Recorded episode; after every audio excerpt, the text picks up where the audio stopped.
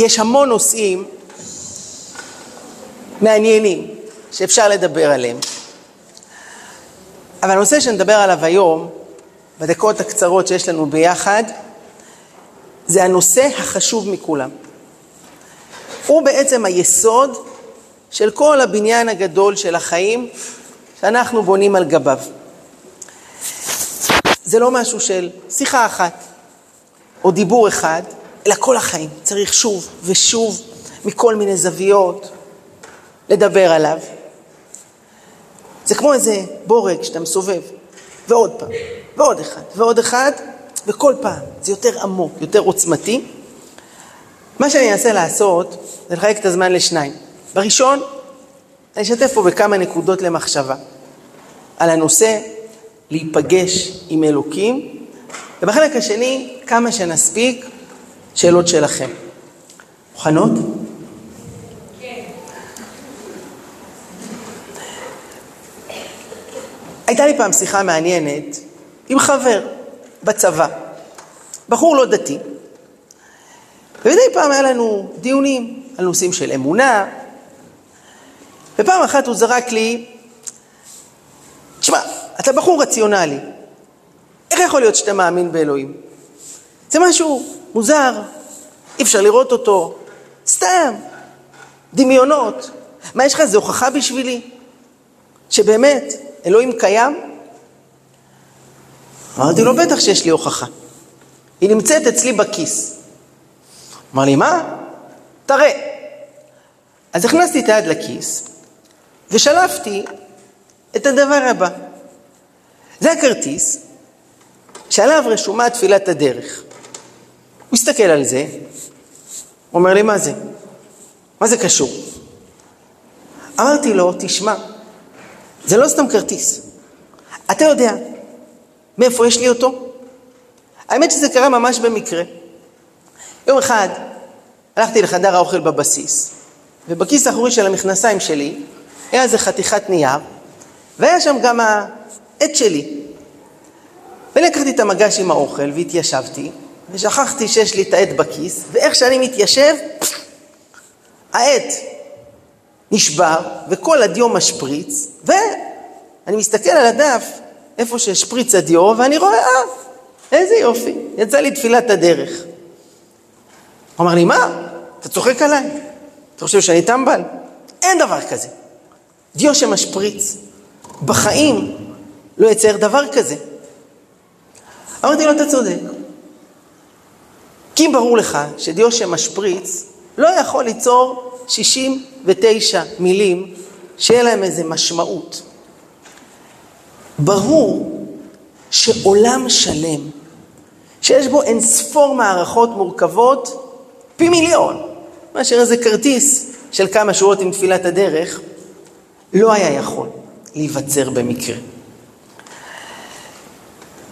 ופה אני רוצה לדבר על הדרך הראשונה שלנו להיפגש עם אלוקים, והיא פשוטה. לא צריך להיות גאון בשביל זה, צריך להיות אדם ישר. יש אינטואיציה בסיסית, כשאדם מסתכל על העולם, שאומרת שאם אתה מוצא משהו מורכב, סימן שמישהו הרכיב אותו. אתה מוצא משהו מסודר, סימן שמישהו סידר אותו. אין אפשרות אחרת. תן דוגמה לדבר. אתם יודעים שבמשך שנים היה את המרוץ לחלל. המעצמות התחרו ביניהם מי תהיה הראשונה שתצליח להנחית אדם על הירח.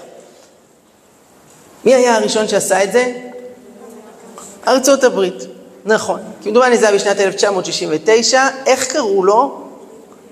ניל ארמסטרונג. הוא היה הראשון שהוריד את כף רגלו על הירח ואמר את המשפט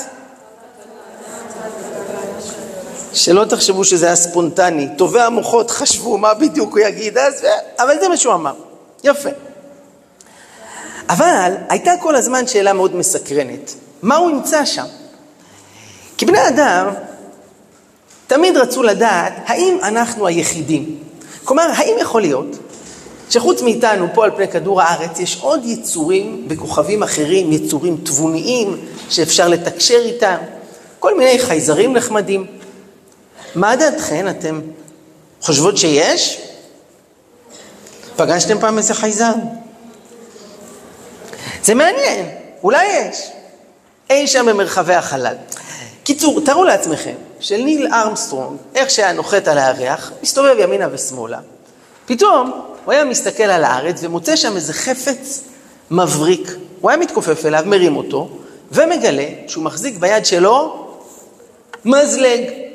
מיד הוא היה פונה בקשר אל תחנת החלל בכדור הארץ, מרכז השיגור, ומה הוא היה אומר להם? מצאתי מזלג. וזה סימן שמה? שיש פה מישהו, שהיה כאן מישהו לפניי, שהשאיר פה מזלג. רגע, ואולי לא, אולי סתם איזה גוש מתכת שבמהלך השנים ושינוי הטמפרטורות במקרה יתעצב בצורה של מזלג, אולי, מה לא יכול להיות? בוא נגיד סיכוי קטן, אבל אולי. אז בואו נמשיך עוד שלב. תארו לעצמכם שאולי היה מוצא רק מזלג, אלא צעיף, שחור צהוב, שכתוב עליו בית"ר ירושלים אימפריה. טוב, פה כבר ברור שמישהו השאיר את זה, שמישהו יצר את הדבר הזה. ומה תגידו על אדם שאומר שבאופן מקרי התרכבו פה כל מיני חומרים ונוצר דבר כזה? זה כבר מאוד משונה, נכון? לא סביר בעליל. אבל ליתר ביטחון בואו נמשיך עוד שלב. נגיד שהוא היה מוצא שם לא מזלג ולא צעיף של בית"ר ירושלים, אלא טלפון, או, הנה, בדיוק מצאתי, כזה, פשוט, אין פה יוטיוב, אין פה טיק טוק, אין פה וואטסאפ, אין פה וואטסאפ. סתם, טלפון פשוט. פה כבר ברור לכולם שיש מישהו תבוני, חכם, שיצר והרכיב את הדבר הזה. ומה תגידו על אדם שאומר, מי אמר? אולי במהלך מיליוני שנים התערבבו פה פלסטיק וזכוכית וגומי ונוצר פה טלפון סלולרי. אנחנו נגיד שצריך לאשפז אחד כזה. כי ברור שאם יש בו מערכת מורכבת כזו, יש מישהו שהרכיב אותה. ואז ניל ארמסטרונג וחבריו יחזרו לכדור הארץ וימצאו לא איזה מזלג אחד, או צעיף, או טלפון. ימצאו מיליוני יצורים, שכל אחד מהם, תיקחו תינוק שהרגע נולד, מערכת הראייה, והעצבים, והחיסון, והכבד, והכליות, כל כך הרבה מערכות מדהימות ביצור אחד, מבין מיליארדים. ברור שחייב להיות מישהו מאחורי הדבר הזה. דברים כאלה לא נוצרים מעצמם. זה נכון על כרטיס של תפילת הדרך, זה נכון פי מיליארד כשמדברים על עולם שלם, שאם יש עולם, חייב להיות בורא לעולם. מי זה הבורא? מה הוא רוצה מאיתנו? זה כבר שאלות הבאות. אבל אני מדבר עכשיו על השאלה הבסיסית. תגידו, נו, איך זה שבכל זאת יש אנשים אתאיסטים, כופרים? אז קודם כל, אין הרבה. הרוב המוחלט של האנושות, לכל אורך ההיסטוריה, היה מאמין. עד היום. אחוז האתאיסטים הוא קטן מאוד. איך זה שיש אנשים שמתעקשים להגיד שהכל במקרה, במשך השנים מתפתח? אני חושב שזה דומה לשאלה, איך זה שיש מעשנים? פגשתם פעם אדם שמעשן? זה לא נראה לכם הזוי? אדם שמשלם כסף בשביל להכניס רעל לתוך הגוף שלו, אתם יודעות שתוחלת החיים של מעשנים קצרה ב-13 שנים. מאשר כלל האוכלוסייה. כלומר, במקום שאדם ימות בגיל 83, הוא ימות בגיל 70 מסרטן, איזה מחלה כזו או אחרת, זאת אחרי שהוא הוציא מאות אלפי שקלים על הדבר הזה. איך זה שיש אנשים שמעשנים? מה, הם לא קראו מחקרים שזה קטלני? מה, כולם פרימיטיביים ואנאלפביתים? התשובה היא שאומנם יש לאדם שכל, רוב האנשים, אבל יש לאדם גם רצון, ואדם מסוגל לרצות משהו, גם אם זה לא טוב מבחינה שכלית, וגם אם זה מזיק, ואני חושב שזו גם התשובה לשאלה שלנו. תראו, השאלה, האם יש אלוקים? מי עומד מאחורי העולם הזה? זה לא סתם שאלה תיאורטית, זו שאלה שיש לה השלכות. כי אם אכן יש בורא לעולם, אז מיד השאלה הבאה המתבקשת היא, מה הוא רוצה? למה הוא ברא את העולם? מה המטרה? הרי אפילו מזלג יש לו איזה תכלית, נכון? מה נגיד על בן אדם, שזו יצירה הרבה יותר משוכללת?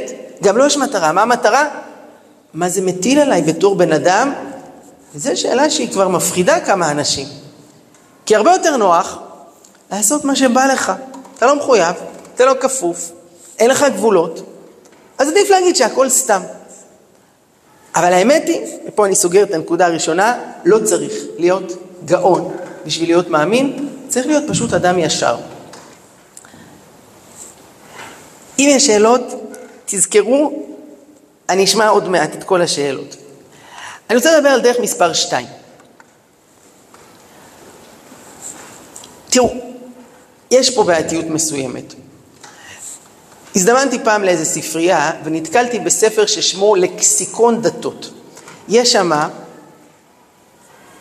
אנציקלופדיה כזו של אלף דתות שונות.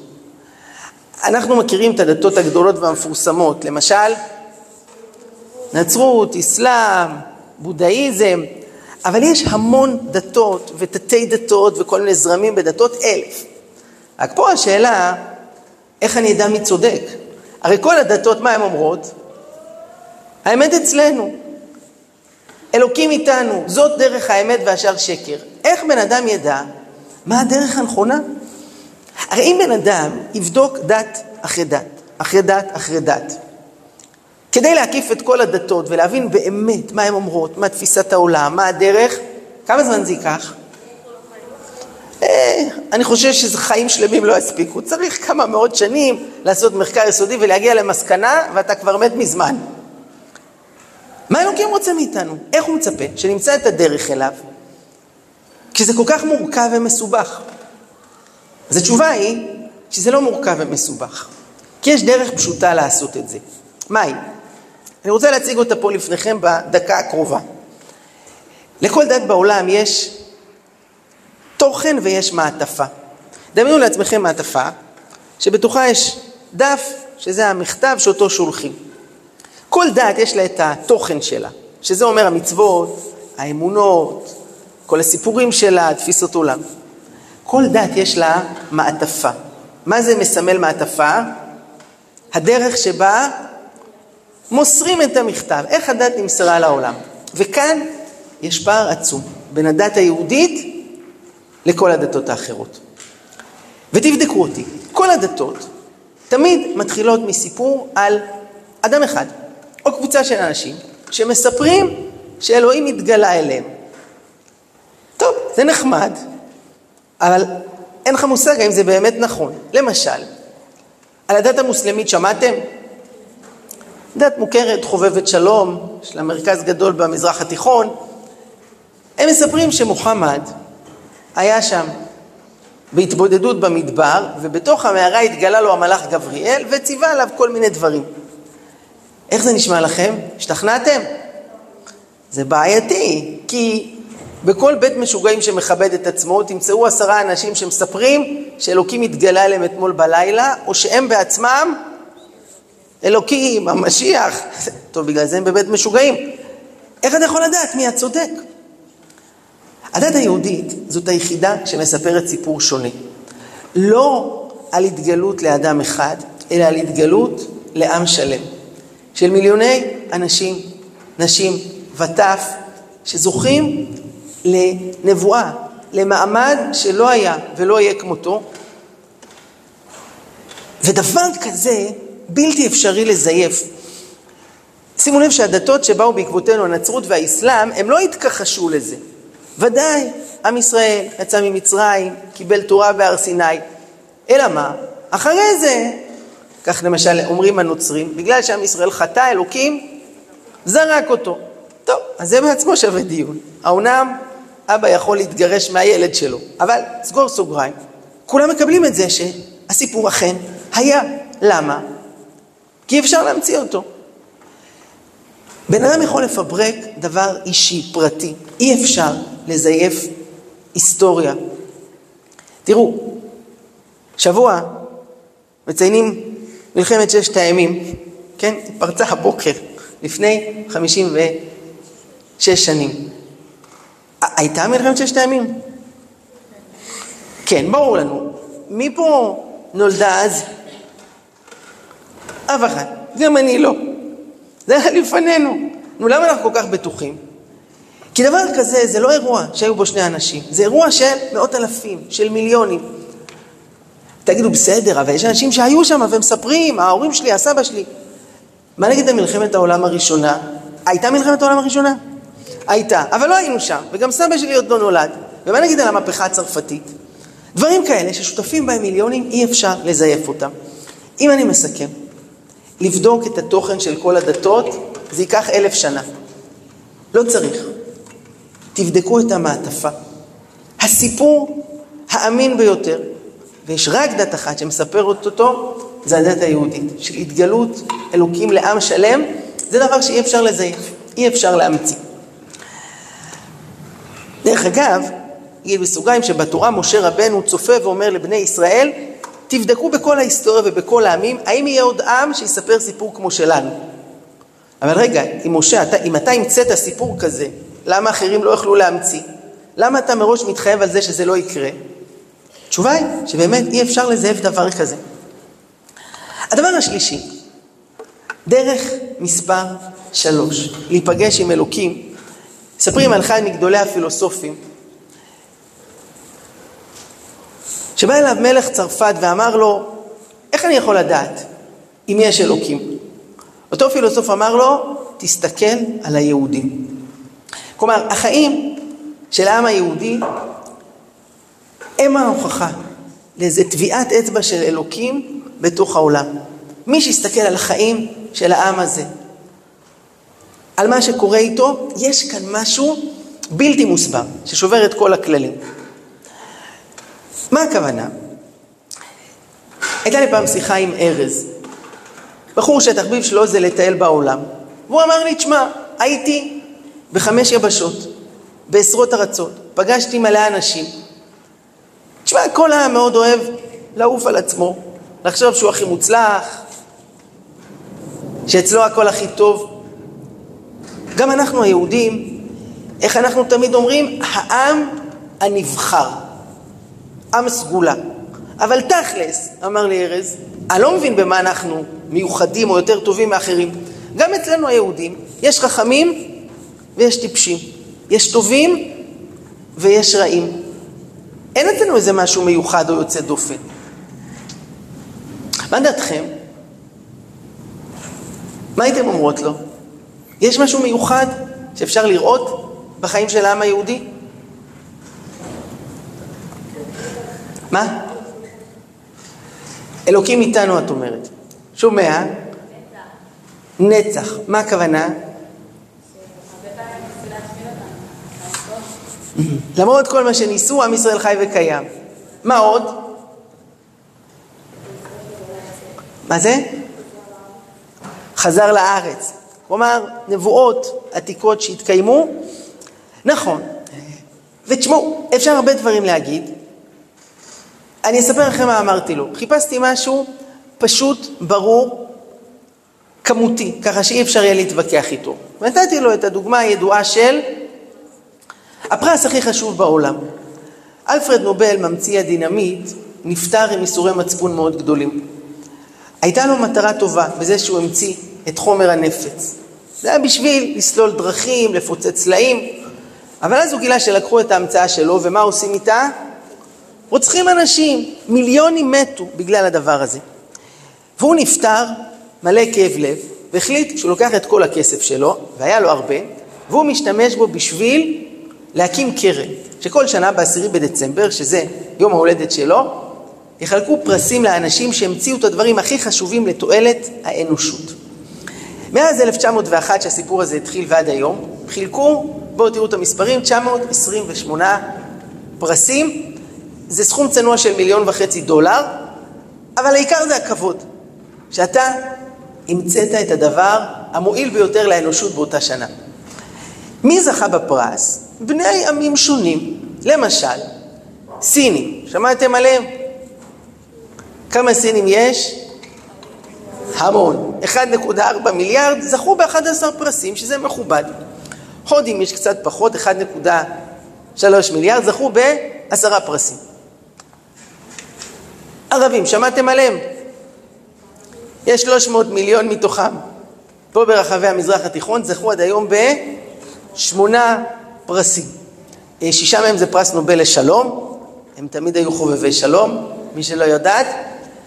אז אם נסכם, 11 סינים, 10 הודים ושמונה ערבים. יהודים, מבחינה כמותית הם מעט מאוד.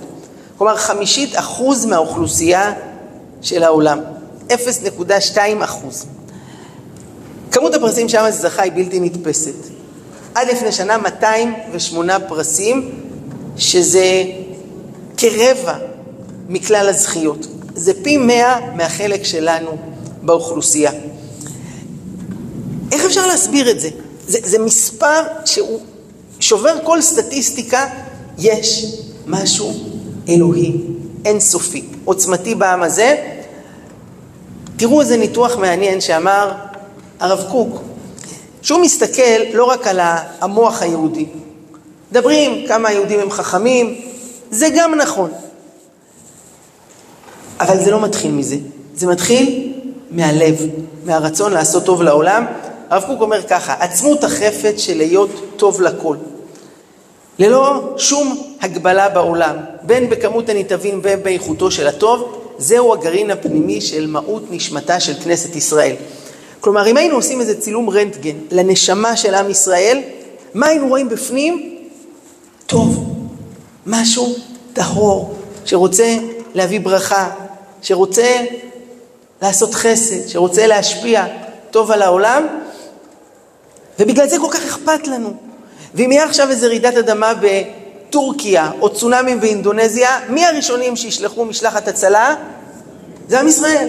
לא ארצות הברית הגדולה, אלא ישראל הקטנה, כי מאז אברהם אבינו ועד היום יש משהו טוב, משהו אלוהי בעם הזה שרוצה להשפיע, שרוצה לתקן, שרוצה לעשות טוב לעולם.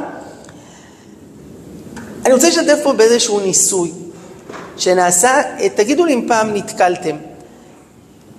הניסוי היה מה קורה כשאדם פוגש איש עיוור. מכירות? מכירות או לא מכירות? ראיתם פעם? אני רואה חלק כן וחלק לא. אני אגיד את זה בקצרה. תמיד אומרים על הישראלים שהם תחמנים, שהם עושים קומבינות, שהם מרמים. האם זה נכון שזה העם התחמן והמושחת באופן מיוחד? ייתכן שלא. ועשו ניסוי מעניין שהתנהל ככה. אדם התחפש לעיוור, הוא לקח מקל נחייה, משקפיים כהים, ופנה לאנשים ברחוב ואמר להם, אה, אני צריך עזרה, יש לי פה שטר של חמישה דולר, אתה יכול לפרוט לי את זה לחמישה מטבעות של דולר? אלא מה? לא היה לו ביד שטר של חמישה דולר, אלא של חמישים. האם יכול להיות שמישהו ינצל את העובדה שלפניו איש עיוור שלא רואה וייקח לו את הכסף וייתן לו רק חמישה מטבעות? עשו את הניסוי הזה פעמיים, פעם אחת באוסטרליה ופעם אחת בתל אביב. האם היה הבדל בין המקרים? אז בדרך כלל כשאני שואל אנשים את השאלה הזאת, הם אומרים, ברור שהיה הבדל. בישראל כולם רימו אותו, כולם קימבנו, עבדו עליו. אז בואו תראו איך זה היה נראה איש עיוור, באוסטרליה ובתל אביב. הלו, הלו, הלו. Sorry, do you have, do you change for five, a, a dollar a five dollar note?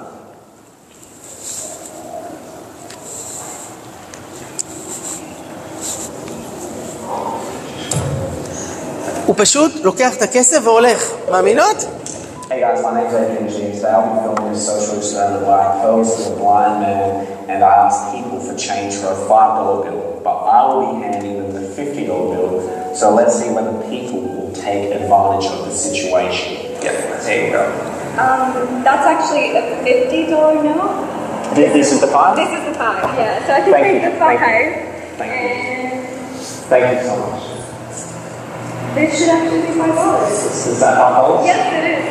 It's Okay. two two dollars and then um five for Okay. Thank you so much. Thank you. Hello. Hello. Hello. Excuse me. Do you, do you have change for a, a five dollar bill? No, excuse sorry, not allowed. Five dollar bill. No. Or you know this? Yeah. You got change? Yeah, yeah. Thanks. That's the five dollars. Because I got fifty-five. Yeah, you sure? There you go, mate. Okay. Thank you.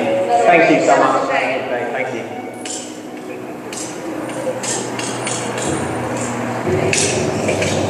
Hello? Hello? Hello? Anyway. Hey, do, do you have change for a five dollar note? Uh, yeah, okay. Alright. That was my five, yeah? Yeah, yeah. Okay. No, no, sorry, man. Okay. Sorry. Ah. Put our heat. No, that's alright. though. Yeah, thanks. Thanks, mate. Hey, buddy, buddy, buddy, buddy. I'm, I'm not actually blind, man. I want my 50 back, so. What are you doing? Be honest next time, man. What are you doing? I'm not, I'm not even blind, man. Alright, man, just, just be honest. Be more honest next time. There's a camera right there. It's good, just be honest.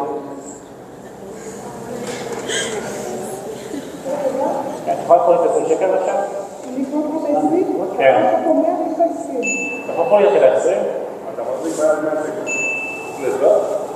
יש לך אולי לקרוא לי ל-10-10? 10, 10? לא, יש לך פה 100 שקל. אני צריך לקרוא ל-10-10, אפשר לקרוא לי אולי? זה 20, נכון אבל? לא, אתה יכול לקרוא לי? כן, 20 ל-10-10. זה 100. זה 100 שאתה מחזיק, תשים אותו בכיס, וזה 20 שקל אם אתה רוצה לנסיעה. אתה יכול לקרוא לי אחי?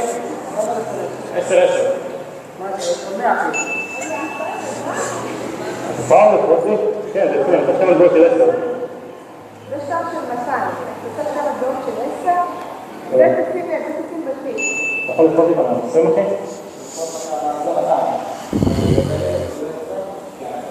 זה 200? אתה יכול לקרוא לי אחי? 10-10? זה... 200? כן. תודה רבה.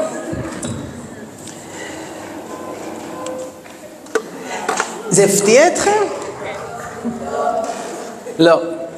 טוב, אז מתברר שכן, עם ישראל זה גם העם הכי מוסרי בעולם. האם זה אומר שאין פה גנבים? יש גם רמאים ויש גנבים, אבל ודאי שיש משהו בנשמה של העם הזה, שהוא טוב, שהוא ישר, שהוא מחפש אמת, וזה טביעת אצבע, שיש כאן משהו מלמעלה, כי זה הרבה מעבר למה שאנחנו רואים מסביב. ופה אני אוסיף עוד אלמנט חשוב. אם דיברנו קודם על הכישרונות של עם ישראל ועל ההשפעה שלו על העולם, יש משהו בקיום של עם ישראל. לא היה עוד עם שלכל אורך ההיסטוריה ניסו לרצוח, להשמיד, לדרוס, לגרש, ועברנו את הכל. גם כשחזרנו לפה והקמנו מדינה, לא צפו לנו עתיד מזהיר. תראו, עיתונים בארצות הברית, זה היה הצפי. זה יהיה נס אם מדינת ישראל תחזיק מעמד חמש שנים, כי היא מוקפת במאות מיליוני אויבים. זאת מדינה חלשה, מה הסיכוי שלה? תראו את הנתונים כשנפתחה מלחמת העצמאות. אתם רואים את הפרופורציות? טנקים, תותחים, מטוסים. זה, זה כמו שאיזה משחק, קבוצה ב-NBA עם כיתה ג'-2 בנס ציונה. זה לא פייר, אין סיכוי, זה ייגמר 100-0. ובכל זאת, עם ישראל ניצח. יש משהו בכוח החיים, איזושהי טביעת אצבע אלוקית בחיים של העם הזה. ואני רוצה, בנות יקרות, להזכיר אירוע אחד שהדהים את העולם, וגם אנשים שזלזלו בעם ישראל ושנאו אותו, היו חייבים להודות שיש כאן משהו מעבר לכל ההבנות, וזה קרה בשנת 1976. בקצרה הסיפור, נחטף מטוס ועליו היו 200 נוסעים, מחציתם יהודים, והמחבלים מסיטים את המטוס ממסלולו ולוקחים אותו לאנטבה שבאוגנדה. מדינה עוינת במרחק של אלפי קילומטרים מישראל, והם מציבים אולטימטום ודורשים כופר ושחרור של מחבלים. מה הסיכוי? בדרך הטבע זה אבוד. וקרה שם מבצע מדהים שהשאיר את העולם בפה פעור. תראו בקצרה ככה משהו מתוך הסיפור הזה, 1976, מבצע אנטבה. 1976, טיסת פרנס מתל אביב לפריז עוצרת לחניית ביניים באתונה. שלושה מחבלים חמושים עולים על המטוס, וכאשר הוא ממריא מחדש, הם משתלטים על הטייסים ומורים לקברניט לשנות את נתיב הטיסה לעבר בנגזי שבלוב. על המטוס 260 נוסעים ואנשי צוות. מועמר קדאפי של לוב מסרב למטוס להישאר בלוב. לאחר כמה שעות הוא ממריא מחדש לאנטבה שבאוגנדה, אפריקה. שם מצטרפים אל החוטפים עוד שלושה מחבלים חמושים. החוטפים מתבצעים מבני ערובה בטרמינל ומודיעים כי נלכדו את המקום. בשלב זה החוטפים מפרידים בין הישראלים לבין בני הערובה הזרים, שאותם משחררים יומיים מאוחר יותר. החוטפים משאירים לבני ערובה את הישראלי, את היהודי, ואת צוות המטוס בראשות הקברניט, שבחר להישאר מנוסים. במהלך ההשתלטות החוטפים אוסרים על בני ערובה להביט דרך החלונות. ואוסרים עליהם גם לעבור בין שתי הקבוצות. החוטפים דורשים לישראל לשחרר 53 מחבלים, ומצרפת הם דורשים 5 מיליון דולר. ממשלת ישראל בראשות יצחק רבין מסרבת לדרישות החוטפים, ומורה לצה"ל לתכנת מבצע חילוץ צבאי. למודיעין הישראלי ישנם כמה מקורות מידע, וביניהם החטופים ששוחררו לצרפת. החוטפים מציבים אולטימטום של יומיים לביצוע דרישותיהם. צה"ל מציג בפני הממשלה תוכנית למבצע חילוץ. על מנת להרוויח זמן, מדינת ישראל מנהלת משא ומתן עם החוטפים כדי לאפשר את ההיערכות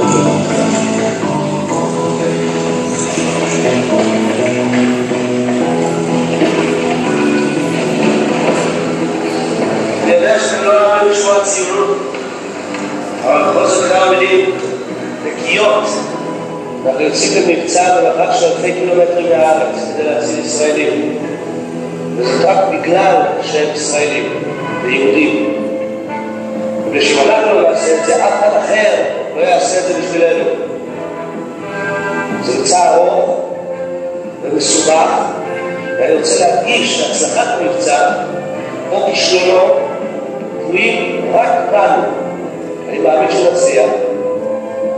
שנחזיר את האנשים האלה בשלום הביתה. תהיה בהצלחה.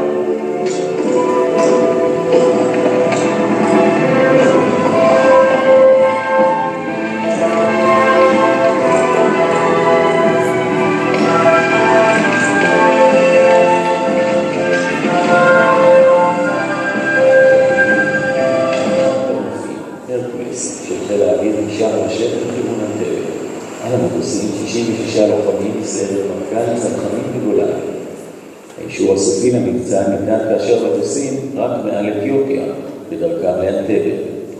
למרות תנאי טיסה קשים ומסלולי נחיתה מחשכים, טייסי חיל האוויר מנחיתים את המטוסים בהצלחה. מהמטוסים הכוחות מתקדמים אל הטרמינל. סיירת מטכ"ל מובילה את שיירת המכוניות, שמתחזה לשיירת האבטחה של נשיא אוגנדה, כלומר מרצדס שהיא היטב מדויק של רכבו של ביבי צפויה בכוח אבטחה מקומי חושפת את השיירה, וזו נעיצה לעבר היעד. הכוחות משתלטים על האולם, הורגים את המחבלים ומשחררים את החטופים. במהלך המבצע נהרגו מפקד צוות מטכ"ל יוני נתניהו ושלושה מבני ערובה. בתוך 24 שעות למעלה ממאה בני ערובה חזרו ארצה ללא פגע, והמבצע הוכתר בהצלחה. מבצע יונתן, עד היום כאחד המבצעים המרשימים והמרצים ביותר שבוצעו מעולם. וואו, מרגש כל פעם מחדש לראות את זה, וזה אחד הניסים המדהימים שקרו מאז הקמתה של מדינת ישראל. אספר לכם רק אנקדוטה אחת בתוך כל האירוע הזה. החטוף הצעיר ביותר, קראו לו שי גרוס. הוא היה ילד בן שש, שהיה עם ההורים שלו בטיסה, והוא לא כל כך הבין את כל הסיטואציה. בעיניו זה היה מין הרפתקה כזאת, יש פה אקשן. והוא סיפר שכשהגיעה שבת, והם שמה כלואים באולם הנוסעים באנטבה, והשמש שוקעת, הוא רואה את אימא שלו ניגשת לחלון. לא היה נרות שבת להדליק, היא ככה מסתכלת על הכוכבים ומברכת, והעיניים שלה זולגות דמעות. הוא אומר לה, אמא, למה את בוכה? היא אמרה לו, אנחנו פה, ואחים שלך בארץ, מי יודע אם נראה אותם שוב, מה יהיה? באותה שבת, אחיו הגדול אמר בבית הכנסת תפילה מיוחדת, שחיבר לו הרב גורן, שהיה הרב הצבאי הראשי, והילד משם מתפלל בבית הכנסת, שההורים שלו וכל שאר החטופים יחזרו בשלום. והסבתא, שהייתה אישה ניצולת שואה, מתפרצת אל תוך עזרת הגברים, היא פותחת את ארון הקודש ואומרת, בונו של עולם, את כל המשפחה שלי איבדתי בשואה. הנה, זה מה שנשאר לי, הבת שלי, הנכד שלי, לפחות הם, שלא יקרה להם שום דבר. וכל המתפללים פורצים בבכי, זה היה קורע לב. אבל מה שכולם לא ידעו, שבאותם רגעים ממש, המטוסים של חיל האוויר היו כבר בדרך לאוגנדה, וסיפר אמנון הלבני, שהיה אחד הטייסים, הוא אמר, הדרך הייתה קשה, המטוס היה כל כך כבד מכל המשקל והציוד שהוא בקושי המריא. לא ידענו אם זה יצליח. ובדרך היה טלטלות ומזג האוויר גרוע, היה לוחמים שהקיאו מרוב הטלטולים של הדרך.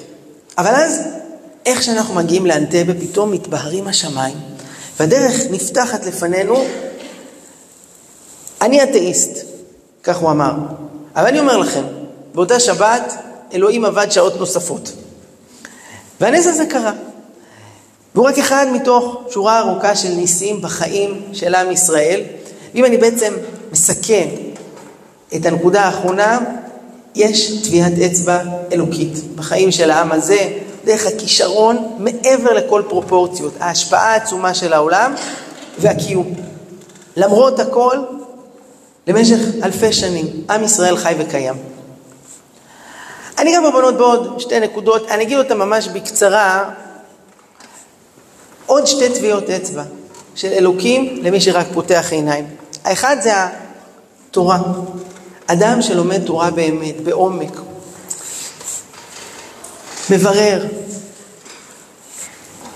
מגלה את הרוחב, את ההתאמה שלה לנפש האדם, את ההשפעה העצומה שלה, קולט שיש כאן משהו שהגיע אלינו משמיים. בקוצר הזמן אני לא אראה לכם, אבל יש אה, סרטון יפה, תמצאו אותו ברשת, על משלחת מדרום קוריאה, שהגיעה לישראל, והם שם מעריצים את העם היהודי. הם אומרים, איזה עם זכה בכל כך הרבה פרסי נובל, מה, מה סוד כוחו וכישרונו של העם הזה? אתם יודעים מה התשובה שלהם? לימוד תורה, ובעיקר הגמרא, זה משהו שפיתח את המוח היהודי והם מסתובבים בישיבות, רואים כתבה, תחפשו ביוטיוב, דרום קוריאה, לימוד גמרא, רוצים ללמוד איך היהודים לומדים תורה. יש פה איזה משהו קסום, משהו מדהים. הם תרגמו את הגמרא לארמית, לקוריאנית. והיום בכל בית בדרום קוריאה יש עותק מהגמרא, יש אימהות שלפני השינה מקריאות לילד מהגמרא, בתקווה שזה יפתח לו את המוח והוא יהיה חכם כמו היהודים. בינתיים זה עוד לא הצליח, אבל הם ממשיכים לנסות. יש פה איזה פלא, זו זכות גדולה שקיבלנו, אנחנו עוד עשרה ימים בחג השבועות, לפגוש את טביעת האצבע של אלוקים דרך התורה. והדבר החמישי והאחרון, וזה אולי הכי קרוב אלינו, זה להסתכל פנימה. יש הרבה יצורים בעולם, יש פרות, ויש ג'ירפות, ויש ציפורים, ויש עטלפים, אבל אף אחד מהם לא שואל את עצמו, למה אני חי? מה המטרה? מה המשמעות? אף אחד מהם לא מתלבט בשאלות מוסריות. כשאריה רואה ג'יר... אה, ג'ירפה או זברה, הוא מתנפל, הוא לא שואל את עצמו, זה מוסרי או לא מוסרי? היצור היחיד שיש בו משהו מעבר, מצפון, איזשהו קול פנימי שמחפש את מה שמעבר, מחפש משמעות, לא יודע, תקראו לזה נשמה, תקראו לזה בשם אחר, זה האדם. יש בתוך האדם משהו אלוקי שלא מאפשר לו להיות כמו עוד בהמה, כמו עוד איזה חיה, לאכול, לשתות, לישון, אלא הוא מחפש משהו מעבר, משהו גדול יותר. ופה השאלה, האם האדם יקשיב לקול הזה של אלוקים שנמצא בתוכו, או שהוא יתרכז ברעש שיש מסביב. אם אני מסכם, דיברנו פה בעצם על חמש טביעות אצבע. חמישה מקומות שבהם אפשר להיפגש עם אלוקים ולא צריך להיות לזה גאון, צריך להיות אדם ישר. דיברנו על המפגש דרך הטבע, עולם מורכב, מדהים, יפהפה, חייב להיות מישהו כל יכול שנמצא מאחוריו. ההיסטוריה, ובראשה מעמד הר סיני, אירוע שלא ניתן לזיוף, ואין עוד עם שיש לו סיפור כזה חוץ מהעם היהודי. שלוש, החיים של עם ישראל, ששובר את כל החוקים, את כל הסטטיסטיקות בכישרון, בהשפעה, בעצם הקיום שלו. אתם עדיי נאום השם, אמר הנביא, ואני אל. תסתכל על עם ישראל, יש פה טביעת אצבע של אלוקים. דרך התורה, מי שילמד אותה, את העומק שלה, את הפנימיות שלה, איזה זכות ואיזה מתנה להיפגש עם דבר השם שמגיע אלינו ומכוון ומדייק את החיים. והדבר האחרון זה להקשיב למה שקורה בפנים. מה יש בתוכנו שכל הזמן מחפש יותר, מחפש מעבר, מחפש להיות אדם מוסרי, שיש לו איסורי מצפון כשהוא עשה משהו לא בסדר? לא מדובר בעוד בעל חיים. יש כאן משהו אלוקי, נשמתי, רוחני, תקראו לזה איך שתקראו מעבר לזה. תראו, זה טוב ויפה, אבל על גבי הבסיס הזה תשאל השאלה, אוקיי, אני מבין, יש אלוקים, יש בורא לעולם, יש מטרה, אבל מה זה הקטנוניות הזאת? אכלת בשר, אי אפשר עכשיו אייס קפה. זה מותר, זה אסור. חלאס, קטנוני. מה באמת, אכפת לאלוקים אם עשית ככה או עשית ככה? מה זה משנה? נו, מה זה משנה? מה אתם אומרות? יש לכם תשובה לשאלה הזו? אמונה הבנתי, אבל כל המעשים והפרטים, בשביל מה? זה באמת כזה חשוב? אכפת לו אם עשינו ככה או אחרת? תגידו, יש דתות שהן באמת חושבות שאמונה זה מספיק? יש. אצל דת הנצרות למשל, יש ביטול של המצוות המעשיות. העיקר זה מה? אהבה. מה אתם אומרות, זה עבד או לא עבד? יש לזה חיסרון. אצל בני האדם בכל אופן זה לא עובד. כי אתה יכול לדבר עם, על אהבה מכאן ועד להודעה חדשה, אבל אם אין משהו שמתרגם את זה לחיים, שהופך את הרעיון היפה למשהו שאפשר לחיות לפיו, זה חסר משמעות. לא היה עוד דת ששפכה דם ורצח ואכזריות כמו הדת הנוצרית, האינקוויזיציה ומסעי הצלב והפוגרומים, כי כשאתה רק מדבר על ערכים, אבל זה לא מתורגם למעשה, זה לא יעבוד. אז פעם אמרה לי איזה נערה, הקטע הזה של הצניעות מוגזם, מה זה משנה? עד המרפק, אחרי המרפק. עד הברך, אחרי הברך.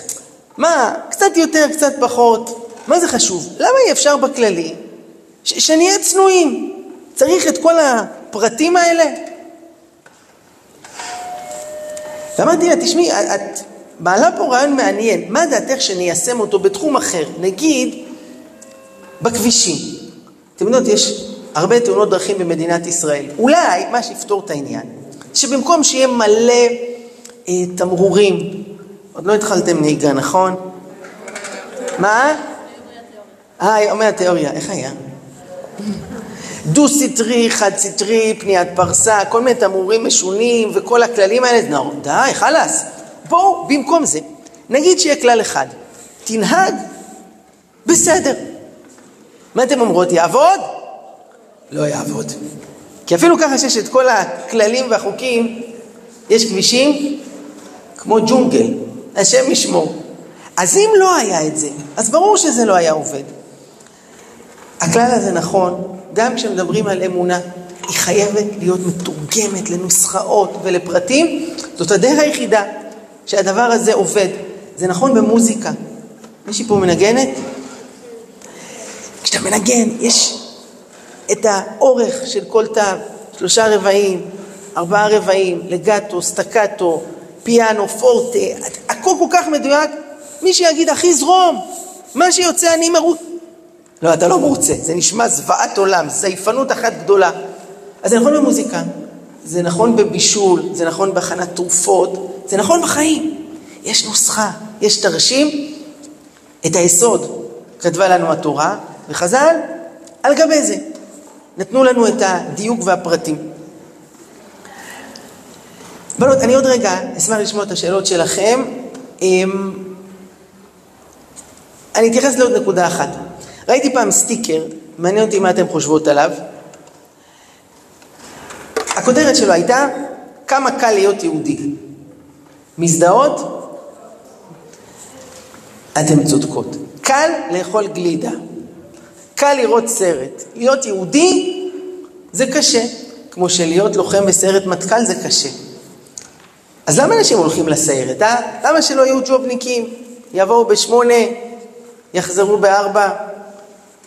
אה? למה אנשים הולכים לסיירת? קוראים את עצמם, מתאמצים, כי הם מאמינים שהם עושים פה דבר משמעותי, הם מצילים חיים, הם שומרים על ביטחון המדינה. להיות יהודי זה לא קל. זה להיות לוחם בסיירת של הקדוש ברוך הוא. ואנחנו שמחים וגאים על שנבחרנו להיות בסיירת. איך אדם כזה מרגיש לאורך החיים שלו? אז זה דבר ששווה לתת עליו את הדעת, כי שמעתי פעם מישהו שאמר, תראה, זה מחולק לשניים, החילונים, יש להם את העולם הזה, הדתיים יש להם את העולם הבא. כל אחד יבחר, הוא רוצה ליהנות פה, הוא רוצה ליהנות שמה. מסכימות לחלוקה הזאת? למה לא? מה פה לא נכון? שאפשר גם וגם. האם אדם מאמין זה אדם שממצה פחות את העולם? ההפך. התורה נותנת לנו את המרשם איך לחיות חיים של שלמות, של הרמוניה, של איזון בין בשר ורוח, בין נפש וגוף, בין עולם הזה לעולם הבא. נכון, יש דברים מסוימים שצריך להתגבר, שצריך להתאפק זמנית, אבל אם אנחנו מסתכלים על חיים שלמים של אדם מבחינת העושר, הסיפוק, ותראו, הבאתי כאן, מי שתרצה, תרצה, כתבתי על זה פעם פוסט ארוך עם מלא נתונים, הייתם מאמינות שאפילו תוחלת החיים של אנשים דתיים ארוכה בכמה שנים? הרופאים לא יודעים להסביר את זה, אבל עובדה, הבאתי שורה ארוכה של מחקרים איך מבחינה זוגית ומבחינה נפשית ומהמון המון בחינות מתברר שאדם שהולך בדרך של תורה ואמונה זה חיים בריאים יותר, מאוזנים יותר, שמחים יותר. האם זה אומר שאין אנשים חילוניים או גויים שהם שמחים בחיים? ברור שיש. האם אין אנשים שיש להם כיפה על הראש, שמרגישים על הפנים? גם זה יש. אבל הם צריכים לבדוק את עצמם מה קרה, ממה זה נובע. ולצד השני, אני חושב שגם אדם שאין לו כיפה על הראש, מכונה חילוני, אבל ככל שהוא אדם ערכי יותר, הוא הרגיש יותר מאושר בחיים, יש לו משמעות, יש לו סיבה, יש לו דבר שבאמת ממלא אותו. אה, תראו פה דבר מעניין, מתוך אה, כתבה בעיתון, אתם יודעות שרוב האיברים אפשר לתרום אחרי המוות, אבל יש איזה איבר אחד שאפשר לתרום גם כשאתה חי, כליה. מדינת ישראל היא אלופת העולם בתרומות כליה מחיים. כאן יש תמונה מעניינת של בני זוג, ששני בני הזוג תרמו כליה, גם הבעל וגם האישה. אה, אתם רואות משהו מעניין בתמונה הזאת? כן, יוצא פה כולם דוסים. עכשיו, זה, זה לא רק הם, כי אם לוקחים את כלל תורמי הכליה בארץ, 98% מהם אה, דתיים. עכשיו, אני לא בא להגיד שחילונים לא תורמים לכל מיני דברים חשובים, אבל ודאי שאדם שיש לו אמונה באלוקים, בנשמה, בנצח, המניע שלו, הדחף הוא הרבה יותר גדול. מי שמאמין שהכל סתם והכל מקרה, למה שאני אתרום? למה לבזבז? למה לוותר על משהו משלי בשביל מישהו אחר? בנות, אני אשמח בדקות הקצרות שיש לנו לשמוע שאלות. תגידו, שאלות באמונה זה טוב או רע? צריך לפחד משאלות? ברור שלא. הבן שנמצא בסוף הרשימה של ארבעת הבנים זה לא הבן הרשע, זה הבן שאינו יודע לשאול. אנחנו מתים על שאלות. כל הגמרא, שאלות, תשובות, קושיות, תירוצים, כי אדם שמאמין, אדרבה, הוא שואל, כי הוא רוצה להבין טוב יותר, הוא רוצה להתחבר. שאלת הרע בעולם. למה יש רע בעולם? זו שאלה ששואל רק אדם מאמין. אדם אתאיסט, למה יש רע בעולם? זה המצב, אכלת אותה. אין מה לעשות, אין מה לשאול. אדם מאמין, הוא שואל, והוא גם ירגיש שליח של הקדוש ברוך הוא לשנות את זה. כן. אני אשמח לשאלות, בבקשה. על כל מה שאמרנו בדברים אחרים. כן. כאילו אפשר להגיד שהשם ברא את העולם, הוא ברא את כל המערכות, כאילו את עם ישראל שהיה מוצלח ועם חכם, ואז כאילו עזב את העולם, כאילו, כאילו הלך לו, כאילו מי אמר שהוא פה, מי אמר שהוא... אני חוזר על השאלה, אולי פעם אלוקים ברא את העולם, מאז מיצה. עכשיו יש לו פרויקטים אחרים באזורים שונים בגלקסיה, אבל הוא כבר לא פה יותר. תראי, אפשר לענות על זה בכל מיני דרכים. אני אלך בדרך הקצרה. אולי במשך אלפיים שנה, כשעם ישראל היה בגלות, והיה נראה שהוא באמת זנוח ועזוב, היה אפשר להגיד את זה. מה שקרה פה בדור האחרון, שאנחנו זוכים לראות למראה עינינו, ואנחנו לא משתגעים מהתפעלות, כי פשוט נולדנו אל תוך זה, שאנחנו רואים עד כמה אלוקים איתנו ומקיים את ההבטחות ונבואות מלפני אלפי שנים מתקיימות לנגד עינינו, רואים בעיניים איך הקדוש ברוך הוא איתנו פה, כאן ועכשיו. ובואו לא נלך רחוק, שמעתם חדשות בשבוע האחרון? ידעתם שהייתה מדינה בעולם שירו לעברה 1,254 טילים ובמקום שיהיו שם איזה 100 אלף הרוגים וערים שלמות חרבות אז היה קצת נזק פה ושם. והיה מעט נפגעים, הייתה הרוגה אחת. יש פה איזה כיפת ברזל, גם רוחנית, שקופה, שמגנה על עם ישראל. אי אפשר לדמיין עוד מקום בעולם שיקרו פלאים כאלה, פלאות כאלה. למה אנחנו לא צורכים התלהבות? חז"ל אומרים, אין בעל הנס מכיר בניסו. אדם שנמצא בתוך משהו, אה, יש מדרש שמתאר שבקריאת ים סוף עוברים שני יהודים, ואחד אומר לשני, אברהם, תראה מה זה, הכל פה רטוב, בוץ, בוץ, היינו במצרים היה בוץ, פה בוץ, כל החיים בוץ. ככה זה, כשבן אדם מסתכל על הקצה של הנעליים, הכל בוץ. אבל תסתכל למעלה, תראה איזה ניסים, איזה פלאים, אשרינו שאנחנו בתוך זה.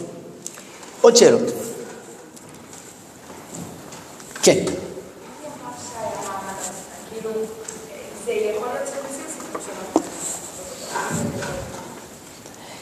אני חוזר על השאלה, מי אמר שהיה מעמד הר סיני? אולי אה, המציאו. מי אמר שהייתה מלחמת העולם הראשונה? אולי המציאו אותה? אז ברור לנו שלא. מה ההבדל? מלחמת העולם הראשונה, למרות שלא היינו וגם סבתא שלך לא נראה לי נולדה אז, אבל זה אירוע שנצרב בזיכרון הקולקטיבי של האנושות, כי יש מיליונים שמשתתפים ומעבירים את זה מדור לדור לדור. בדיוק זה הסיפור של מעמד הר סיני, שגם מיליארד וחצי נוצרים ושני מיליארד מוסלמים מקבלים אותו, כי הם מבינים שאי אפשר לשתול סיפור כזה בהיסטוריה, ואם היה אפשר, אז למה אף אחד אחר לא עשה את זה? למה בודה וישו ומוחמד מספרים לנו סיפור על אדם אחד ולא סיפורים של מיליונים? התשובה היא שאז היו בועטים בהם מכל המדרגות, היו מאשפזים אותם. איפה אתה חי? מלחמת העולם הראשונה יש הוכחות בימינו, במעמד הר סיני אין כל כך. אז אני יותר אחורה, אז המהפכה הצרפתית, היו אירועים בהיסטוריה, לא היינו אז. נפוליאון, אלכסנדר מוקדון, אנחנו יודעים, היה איש כזה. אין תמונות. יש דברים שעוברים בזיכרון של האנושות שאי אפשר להתכחש אליהם, כי זה לא איזה משהו נקודתי, זה משהו מקיף שמיליונים, ותשמעו, עם ישראל הוא אלוף העולם בלהעביר מסורת. אם היית נוסעת במכונת הזמן מליל הסדר הזה לפני 500 שנה, לפני אלף שנה, יש סיכוי שהיית נכנסת לבית של איזו משפחה יהודית בליל ט"ו בניסן, והיית מסתדרת חבל על הזמן. קדש, כרפסנו, מתי שולחן עורך? אנחנו אלופים בלהעביר מדור לדור את המסורת. כן, עוד? כן. אבל בהיסטוריה אפשר כאילו, זה כאילו סיפור גדול כן זוכרים, אבל הרבה פרטים קטנים כן אפשר לפחות. כאילו, מלא דברים שהמציאו סתם. אז גם יכול. יכול להיות, אבל הפרטים באמת פחות חשובים. עצם העניין של התגלות אלוקית לעם שלם, זה היסוד. שעל גבי זה יכולים להיות כל מיני פרטים. עם ישראל הוא גם בפרטים אה, מומחה על. אה, אה, תראו, המצאה של בית ספר, שמעתם על ההמצאה הזאת? זה בית ספר. לא, לא זה המצאה שהתחילה בעולם במאה ה-19, עוד פתחה במאה ה-20. לפני כן רוב האנושות היו אנאלפביתים. היו עשירים שהיו שוכרים איזה מלמד לבן שלהם. רוב האנשים לא ידעו קרוא וכתוב, היו בורים. יש עם אחד יוצא דופן, שכבר בגיל שלוש ילד מלמדים אותו קריאת שמע, מודה אני, לומדים אה, לקרוא, לומדים תורה, לומדים חומש. אצלנו זה יצוא כברזל, המסירות נפש של התורה, הלימוד של העברת המסורת, ותקשיבו, זה מחזיק מעמד 3,300 שנה. כן. כן. כל ה... גם בתפילה, גם טקסים ודברים בכללי ביהדות של אה, להגדיר את השם וכמה השם גדול והמלך המתנשא, וזה מרגיש קצת אלילי כאילו. אני חוזר על השאלה. בתפילה יש הרבה חזרה על שבחים, ואנחנו מפארים את הקדוש ברוך הוא, זה נראה אה, אלילי. יש משהו במה שאת אומרת, אה, הרב קוק ניסח את זה ככה, הוא אמר כל הגדרה היא אליליות רוחנית. כלומר, כל פעם שאתה מגדיר משהו, שאתה מתאר אותו במילים, בעצם מה עשית? אתה אמרת, זה, כאן, מפה עד לשם. ממילא כל מילה שנגיד על הקדוש ברוך הוא, כבר הגבלנו אותו. אנחנו אומרים שהוא טוב. כמה טוב? שהוא חכם, כמה? יש לו 800 בפסיכומטרי, עשה חמש יחידות מתמטיקה ואנגלית. כל המושגים שלנו של חוכמה, של טוב, זה מושגים אנושיים. כל מה שנלביש עליו, הקטנו אותו. אז אולי עדיף לא להגיד כלום? אולי? למה אנחנו אומרים? זה חשוב קודם כל בשבילנו. למה? אני אגיד לך שני דברים. א', שנדע בשביל מה אנחנו מתאמצים, את מי אנחנו עובדים, את ריבון העולמים, את מקור הטוב והשפע והחסד והרחמים, בזה אנחנו מאמינים. האם הצלחנו למצות ולהגדיר את מה שהוא לא? הוא אין סוף, הוא אין הדמות גוף ולא דמות הגוף, הוא הרבה מעבר לכל זה. ואני אגיד לך יותר מזה, זה גם חוזר אלינו, כי אנחנו נבראנו בצלם אלוקים. וכשאני אומר שהקדוש ברוך הוא טוב ורחמן, מה זה אומר עליי? שגם בי יש טוב ורחמים, ואם אני אומר שהוא אה, עושה חסד וחומל, אז גם לי יש את הדבר הזה בתוכי, ממילא. יש בי חלק אלוקא ממעל, יש בי נשמה, זה דורש ממני, זה הופך אותי לגדול יותר. האם בזה שאמרתי שהוא גדול, גיבור ונורא מיציתי? ממש לא. אנחנו אומרים כדי שיהיה לנו משהו להאחז בו, כי זה מה שיש לנו, מילים, אבל זה הרבה מעבר לזה. בואו עוד שאלה אחת, אחרונה. כן. איך אנחנו יודעים שהיום אנחנו עובדים אותו כמו שצריך, כאילו, איך שהוא היה רוצה שנעבוד אותו, כאילו, ולא יודעת, אולי במהלך ההיסטוריה עבדו אותו שונה, כאילו, היום, הערכות ודברים כאלה, כאילו, אולי יש שינויים שאנחנו עשינו שזה לא נכון כמו שהוא היה רוצה, כאילו. לא הייתה דרך לדעת, השאלה היא איך אנחנו יודעים שאנחנו עובדים את השם בדרך הנכונה, שאנחנו באמת מדייקים, שעושים את הדבר הנכון. לא הייתה דרך לדעת אם הוא לא היה מגלה לנו בעצמו את הרצון שלו, דרך התורה שבכתב ושבעל פה. התורה שבכתב היא קבועה. התורה הזאת לא תהיה מוחלפת. התורה שבעל פה היא צומחת, היא דינמית, היא משתנית. וכל דור היא הולכת וצומחת, חיי עולם אשר נטע בתוכנו, זה כמו נטייה שהיא צומחת.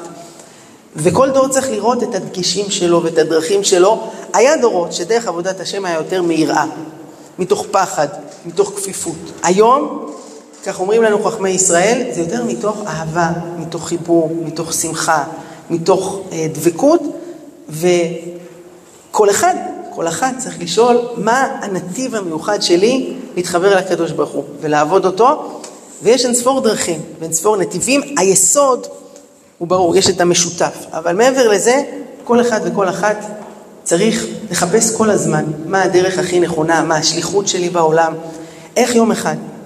ובזה אני אחתום. כשאני אגיע לגיל 120, אני אסתכל אחורה על החיים, אני אגיד, הייתי עושה את זה שוב.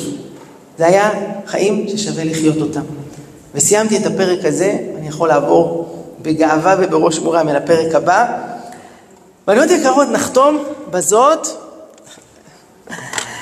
אני רוצה להשאיר לכם מתנה, אמ, אתם מכירות? זה, זה די חדש, יצא לפני כמה, אה, שלושה חודשים. אה, העתיד מתחיל עכשיו, שיעורים קטנים לחיים גדולים, אה, אז אין לי פה מאה בשביל כולם, אבל אני אשאיר אחד לשכבה. לא תריבו על זה? אז תעבירו ביניכם, יש כאן הרבה עצות, כלים לחיים משמעותיים יותר, חיים ששווה לחיות אותם. אולי יש מכם כאלה שמכירות עיירה וכאלה, אז זה פורמט אחר, זה סגנון אחר. תהנו. תודה רבה, ותמשיכו ללמוד ולברר ולשאול. אשריכם ישראל, שקוייך. בנות, תקשיבו.